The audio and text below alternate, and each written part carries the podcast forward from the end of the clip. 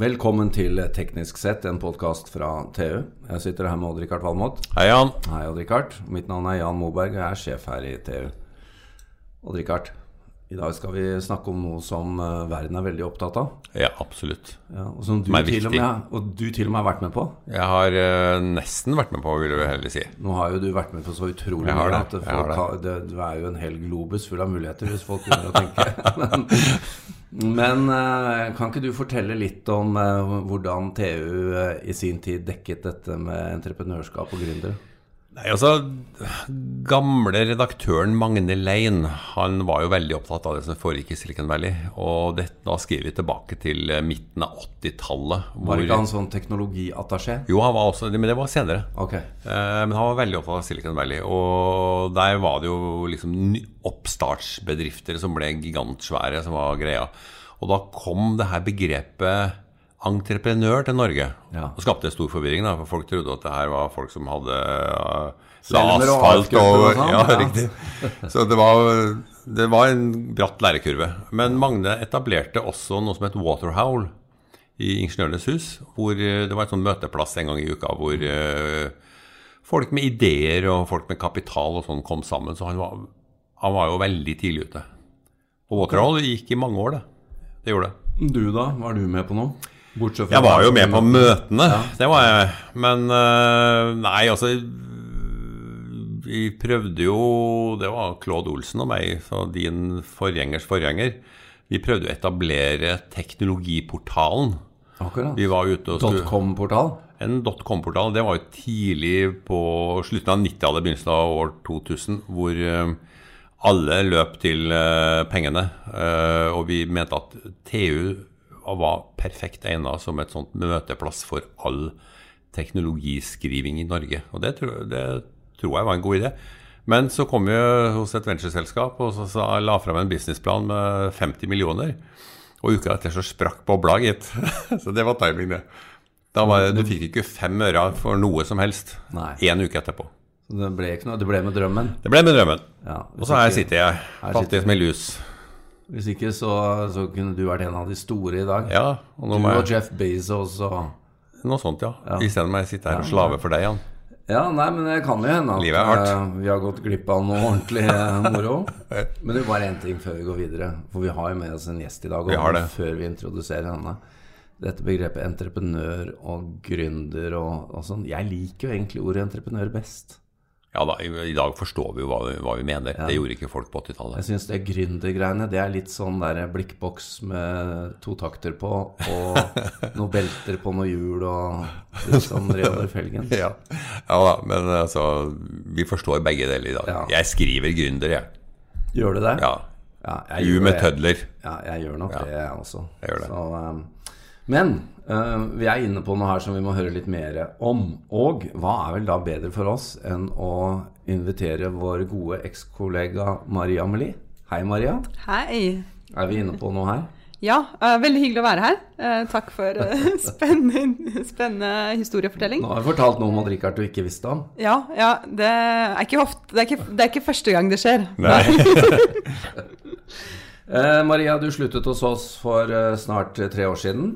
Eh, og eh, det gjorde du fordi at du eh, ble veldig interessert i dette med entreprenørskap og gründere. Fortell. Ja, så jeg har rota litt i arkivet, for jeg begynte å jobbe hos dere i 2011, og fant ut at i 2012 så gjorde jeg en sak med, som var kanskje starten på det der interessen for entreprenørskap. Og det var med den norsk-amerikanske gründeren Fred Kavli, eh, som startet eh, Kavli-fondet og delte ut priser til unge forskere. Kavli-Co. Kavli Kavli ja. Hva var det han lagde, Odd Rikard? Han lagde sensorer. Bilindustrien, var det ikke Ja, det? fantastisk Ja. eh, fyr, altså. Tidlig ute. God idé. Ja. Så, eh, og når jeg intervjuet han, når jeg gikk gjennom det intervjuet etterpå, eh, i dag, in, med, når jeg ser på det med nye øyne, så ser jeg at jeg snakket jo ikke så mye at, om hans eh, entreprenørreise. Eh, fordi på den tiden, det, i 2012, så skjønte jeg ikke helt hva det der med entreprenørskap og gründere, men jeg bare, så snakket om alle andre tingene. Um, og det er veldig synd. Jeg jeg skulle ønske, Det var mange ting jeg skulle ønske jeg spurte han om. Uh, og i løpet av de neste årene i, i TU så har jeg uh, blitt eksponert da, for uh, ganske mange sånne teknologigründere. Og begynte å interessere meg mer og mer for dette temaet. Og oppdaget at oi, vi er jo ikke bare gode på ski. Vi er også veldig gode på entreprenørskap, særlig sånn høyteknologisk entreprenørskap. Men det er jo ingen som snakker om det. det er jo i, Mannen i gata vet jo ikke om, Nei, om det. Det er jo litt fordi at det er en hypotese vi ikke helt tør å tro på selv. Ja, jeg... du, du, må jo komme fra utlandet og, og se det utenfra. Ja, Husk på at Norge er også så maskert av uh, flere titalls år med oljeindustri. Så man sugde seg veldig mye av talentet. Mm. Og uh, jeg syns jo jeg merker nå i siste året, etter at oljeindustrien fikk seg en dipp, at det popper ut nye ideer, og mm. det blir selskaper av det. Ja. Jeg er litt usikker på om jeg har rett, men, uh, men det er mye mer fokus nå på entreprenørskap. Jeg tror, jeg tror, det har liksom vært mange nye selskaper hele veien. Det er bare at vi ikke har hørt så mye om dem. Vi har ikke hatt en, en, en en, uh, vi, har, vi, har, ikke vært flinke nok til å fortelle, og de har selv ikke fortalt så veldig mye om suksesshistoriene sine. Og jeg tror noe av det skyldes at uh, mye av det vi skaper og lykkes med, er innenfor business to business-sektoren. Og da ja. trenger man kanskje ikke promotere seg selv i like stor grad mot uh, allmennpublikum. Uh, vi er ikke noen store mot forbruker, ja. vi har lite hjemmemarked og den ja, type ting. Absolutt. Men det er jo interessant, vi må ta med det, Maria, at du, du har en master fra NTNU der du, der du lagde en en oppgave, implementering av teknologi, som dreide seg om innføring av videokonferanse i Statoil-konsernet. Så du, du, har jo jobbet med teknologi helt siden eh, studiene. Det du gjorde da du sluttet hos oss, var jo å gå løs på en bok. Alt eller ingenting. Da fikk du lov til å gjøre flere av disse intervjuene som du egentlig eh, startet på da du var hos oss. Ja, så det er Helt, hva, hva, endte det opp med? Hva lærte du etter å ha Hvor mange er det du har intervjua? Over 50, 50 mennesker. mennesker ja. ja. Og gjerne med store nesterer, folk som har skapt uh, globale teknologibedrifter. Uh, og hatt spennende historier. Så jeg fordypa meg, forsvant jo helt uh, i det i nesten to år. Og resultatet ble denne boken, som er på over 400 sider, eh, som formidler historier til 30 gründere bak noen av de største bedriftene, største salg og, eller børsnoteringer. Men også noen eh, yngre folk som har, bare, som har fått til det allerede. Og det resultatet er jeg, jeg, har lært utrolig mye selv, fordi det har vært utrolig Det har vært en veldig spennende reise. Og uh, samtidig som jeg har gjort uh, Samtidig med det så bestemte jeg meg for å gi ut boken på egen hånd. For jeg tenkte jeg må jo lære litt hvordan det er å være gründer mens jeg skriver og gründere. Så der laget jeg eget forlag og uh, crowdfundet boken. Så du tok egen medisin, egentlig? Ja, jeg tok egen medisin. Mm. men det jeg har funnet ut, er at det er en, del fellestrekk når det gjelder de som lykkes. jeg tror vi lykkes vi, vi, skaper veldig mye spennende teknologi i Norge. Um, som uh, vi kanskje ikke alltid forstår hva vi skal, altså hva vi skal gjøre med den teknologien. Uh, vi har veldig gode forskere, vi har uh, sterke klyngemiljøer som, som, skaper forskning i verdensklasse. Men det vi ikke er så veldig gode på, er kommersialisering av den teknologien. Uh, hvordan skal vi selge den? Det er, det er, kanskje fordi Og da fører det til at vi ender opp med produkter med teknologier som Uh, kanskje ikke er retta mot forbrukere, mot, uh, mot, salg, men mer blir sånn spennende teknologi i seg mhm. selv.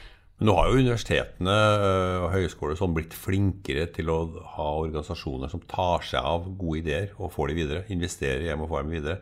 Det var det ikke så mye av før.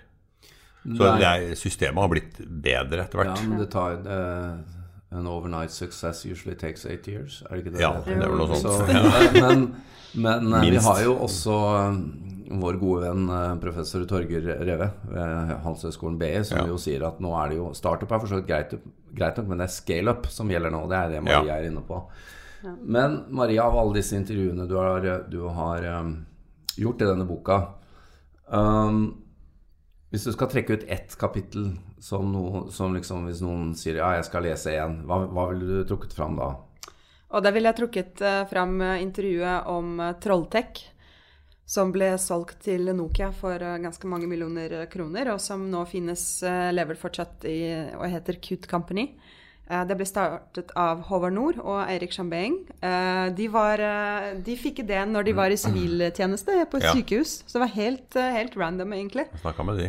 Ja, ikke sant? Og, og, men de virkelig bydde på seg selv i boken og fortalte om de utfordringene de hadde med eh, å vokse som bedrift. eh, og hvordan de eh, sleit med å ansette folk, hvordan de skulle ekspandere internasjonalt. Eh, Håvard Nord var jo ung eh, ingeniør, småbarnsfar, som skulle plutselig dra til USA og åpne kontoret der, og kjente lite til bedriftskulturen der, og alle de utfordringene som det medfører eh, det å ekspandere internasjonalt. Så, så, så der har de virkelig fortalt uh, Der tror jeg man kan lære mye av den historien om hvordan man bygger bedrift.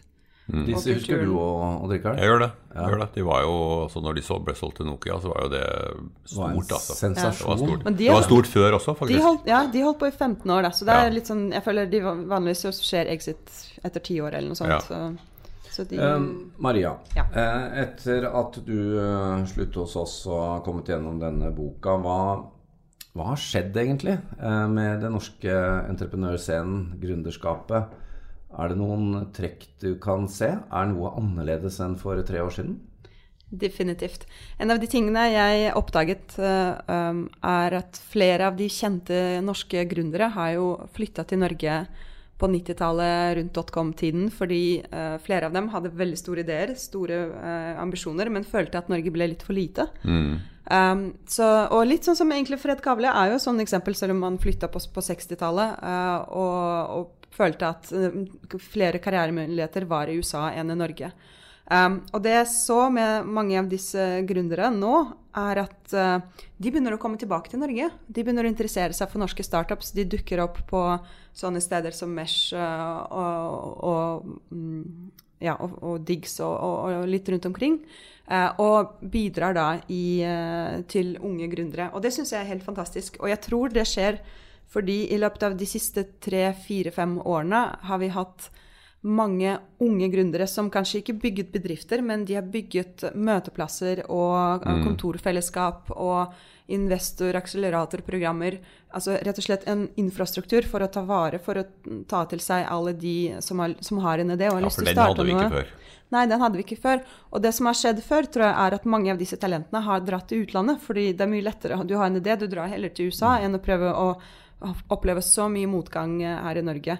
Men jeg tror det er i ferd med å snu seg, så jeg håper virkelig at vi eh, legger merke til innsatsen ikke bare til de som skaper eh, globale bedrifter, men også de som holder til her i Norge og, og jobber både med uh, infrastrukturen, men også utfordrer folks mentalitet da, og, og holdninger om entreprenørskap uh, gjennom media og, og, og møteplasser. Men Richard, dette er jo viktig, og Ja. vi har jo noen gode eksempler til etterfølgelse. Det har jo skjedd noe de siste ti årene som gjør at man kan virkelig tro at man kan få opp noe. Om det er uh, Trolltech eller Fast Search and Transfer eller uh, selskapene til Geir Fører eller andre. Ja da. Det er, og, og Så vi har jo bygget kompetanse i landet på dette her. I høyeste grad. Og det interessante er jo at eh, når amerikanerne kjøper norske bedrifter, som virkelig har blitt svære, så blir de jo her.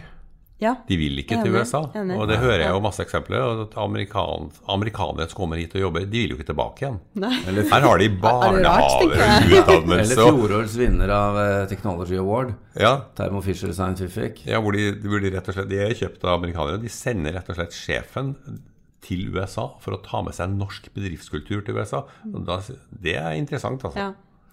Men Maria, vi må komme inn på eh, Ut fra det du har eh, fått med deg, både av det du har gjort selv, og fra mange av disse intervjuene, hva er dine tips da til eh, de håpefulle som sitter der ute nå og tenker at jeg har tidenes største idé, og nå skal jeg eh, være entreprenør og sette i gang?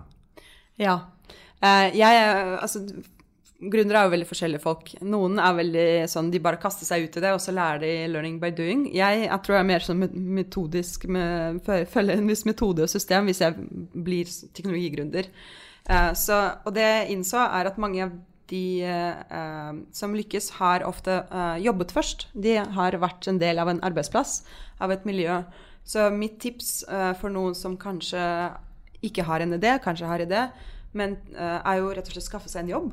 Eh, og gjerne gå til uh, du, du kan på en måte finne inspirasjon til eh, å, å bygge bedrift hvor som helst, men jeg tror hvis du blir med i noen av de verdensledende miljøene vi har her i Norge, f.eks. i klynger eller noen bedrifter, f.eks. amerikanske bedrifter som fortsatt holder til eh, Ja. i Norge og bygger ting her, så kan man både skaffe seg spennende nettverk, man kan komme tett på kundene og forstå eh, hvilke utfordringer de har, hvilke utfordringer som den bedriften ikke løser, som du som gründer kan løse. Eh, og så kan du gå derfra på en måte beriket med, med potensielle talenter du kan rekruttere, men også interessante problemstillinger. Eh, og det tror jeg ikke sånn, det er ikke typisk uh, gründertips. Tro på deg selv. Jeg jeg, jeg syns arbeidserfaring Også for min del også, det å, å jobbe i TU har vært, De fire årene har jeg vært jo en gullgruve av arbeidserfaringer. Du har og, jobbet med orakelet? Ja, ikke sant. Ja. Så, så, for meg, så det, er sånn, det er derfor jeg har gått videre inn i dette feltet og skrevet den boken og, og fått til og, og lært uh, Men det er jo så, så, så, stor iver nå at folk uh, starter opp før de slutter på skolen. Vi det, så jo eksempler på det i, uh, i Las Vegas. Ja. Mm. Og det er, også, det, det er også bra. Men jeg tror i Norge så har vi såpass lite økosystem at at vi kan hente veldig mye arbeids- og relevant ja. uh, gründererfaring i arbeidslivet. Og det andre, jeg tror man må dra til uh, utlandet og, og ta, ta, et halvt år i utlandet et eller annet sted. Se det, hva som skjer, ja. Og det har jo du, Jan, gjort selv og studert i utlandet. Um, der får man helt annen kompetanse. Jeg var halvt amerikaner jeg helt inntil Trump er valgt. Ja. Nå holder jeg litt avstand. men, men uh, dere, det gjelder dere begge to. Vi, vi kjenner jo navnene på de store, på kjendisheltene, kan du si, fra gründerskapet. Men eh, det som jeg eh, tenker over når jeg blar gjennom din bok, Maria, er at det er jo egentlig ganske mange eh, ikke ukjente, men navn som Det er langt flere navn å undersøke da, enn en den håndfull som er kjent for å være supergründere i Norge. Det er egentlig ganske mye å hente. Mm. Ja, der, eh, jeg har mange flere navn på den lista. Og det dukker opp I går møtte jeg en, en damegründer og tenkte å nei, jeg burde intervjuet henne. Men hun hadde ikke vært i Norge på 20 år, så jeg hadde jo ikke hørt noe om henne. Uh, så jeg tror vi har mange flere sånne Marit Bjørgen-type, Aksel Lund Svindal-type folk innenfor entreprenørskap som vi ikke vet om. Og vi trenger det nå. Ja, vi trenger olje, det. Oljefremtiden er usikker. Men, men uh, har, det har virkelig skjedd noe i Norge. Vi har jo grunn til å være optimister på egen skapertrang. Og ja. naiviteten er en god følgesvenn. Det er jo flott at folk prøver seg og bommer og lærer, Maria. Det har jo vært en del av det også, av disse du har intervjuet. Det er lov å gjøre feil. Ja, ja, ja, det er jo det. Ja da. du, før uh, vi må gå mot slutten her, men uh, en ting som er veldig morsomt å lese i denne boka, er jo også disse sitatene du drar ut fra alle. Uh, du må nesten gi meg et sitat av hva du syns har vært uh, toppen av det Eller ja. Ja, det viktige, da. Jeg koser meg med de sitatene. Er, uh, en av de sitatene jeg er veldig veldig glad i, er uh, av Ståle Løvbukten, som var med på å starte Admin Control og Questback. og han sier følgende Vær forelsket i verdien produktet skaper for kunden, ikke i selve produktet. Mm. Og det tror jeg oppsummerer noe av det essensen med entreprenørskap, er at vi er teknologer, vi blir supergira når vi lager en dings, og så, vi, og så er vi så forelska i det produktet at vi Selve glemmer løsningene. Ja, at vi glemmer at Oi, men det er jo ikke produktet det handler om, det er jo hvilken verdi det skaper for kundene. For kundene. Så det håper jeg at vi blir bedre på, i hvert fall ja, de neste årene. Hvis, ja, det er jo helt åpenlyst. Men det er en fallgruve som har trukket til seg ganske mye Nyttig folk. Altså. å minne seg selv på det. Definitivt. Maria, eh, du eh, er i gang med en ny bok. Yes. Hva skal den handle om? Noe av det samme? Uh, ja, det, jeg bare fortsetter med entreprenørskap. Men nå I'm going global, så det blir på, på engelsk og på norsk. Og det blir mer om entreprenørskap på, i Europa. Kanskje vi skal investere i Maria, Richard? Kanskje ja. det kan mangedoble yes. pengene våre? Kan se sånn Spesielt hvis man finner noen gullkorn der ute. ja. det, um, avslutningsvis, Odd Rikard, hva, hva, hva, er ditt tips da, hvis noen skal gründe noe? Hvor ville, hvor ville du vært entreprenør i dag? Hva ville du gjort? Og det er et Lyspæra er oppfunnet. Stempelmotoren går mot døden. Jeg syns det er mye moro innenfor energi. Altså, Jan. Energi, ja. ja. Der skjer det mye. Så, men, men for all del, elektronikk, sensorer det, det, var et fryktelig vanskelig spørsmål. Jeg vil være med på alt det. Ja, det er akkurat det. Med dine 560 interesseområder. Ja, men ikke olje. ikke olje, nei. Maria, tusen takk. Vi eh, kommer tilbake senere. Du, når, når kommer boka di? Neste? Ja, det blir neste år, tenker jeg. Ja, ja. Og Richard, da må vi invitere Maria igjen. Det gjør vi. Gleder meg til å komme tilbake. Ja. Ja, Takk skal du ha. Takk for meg.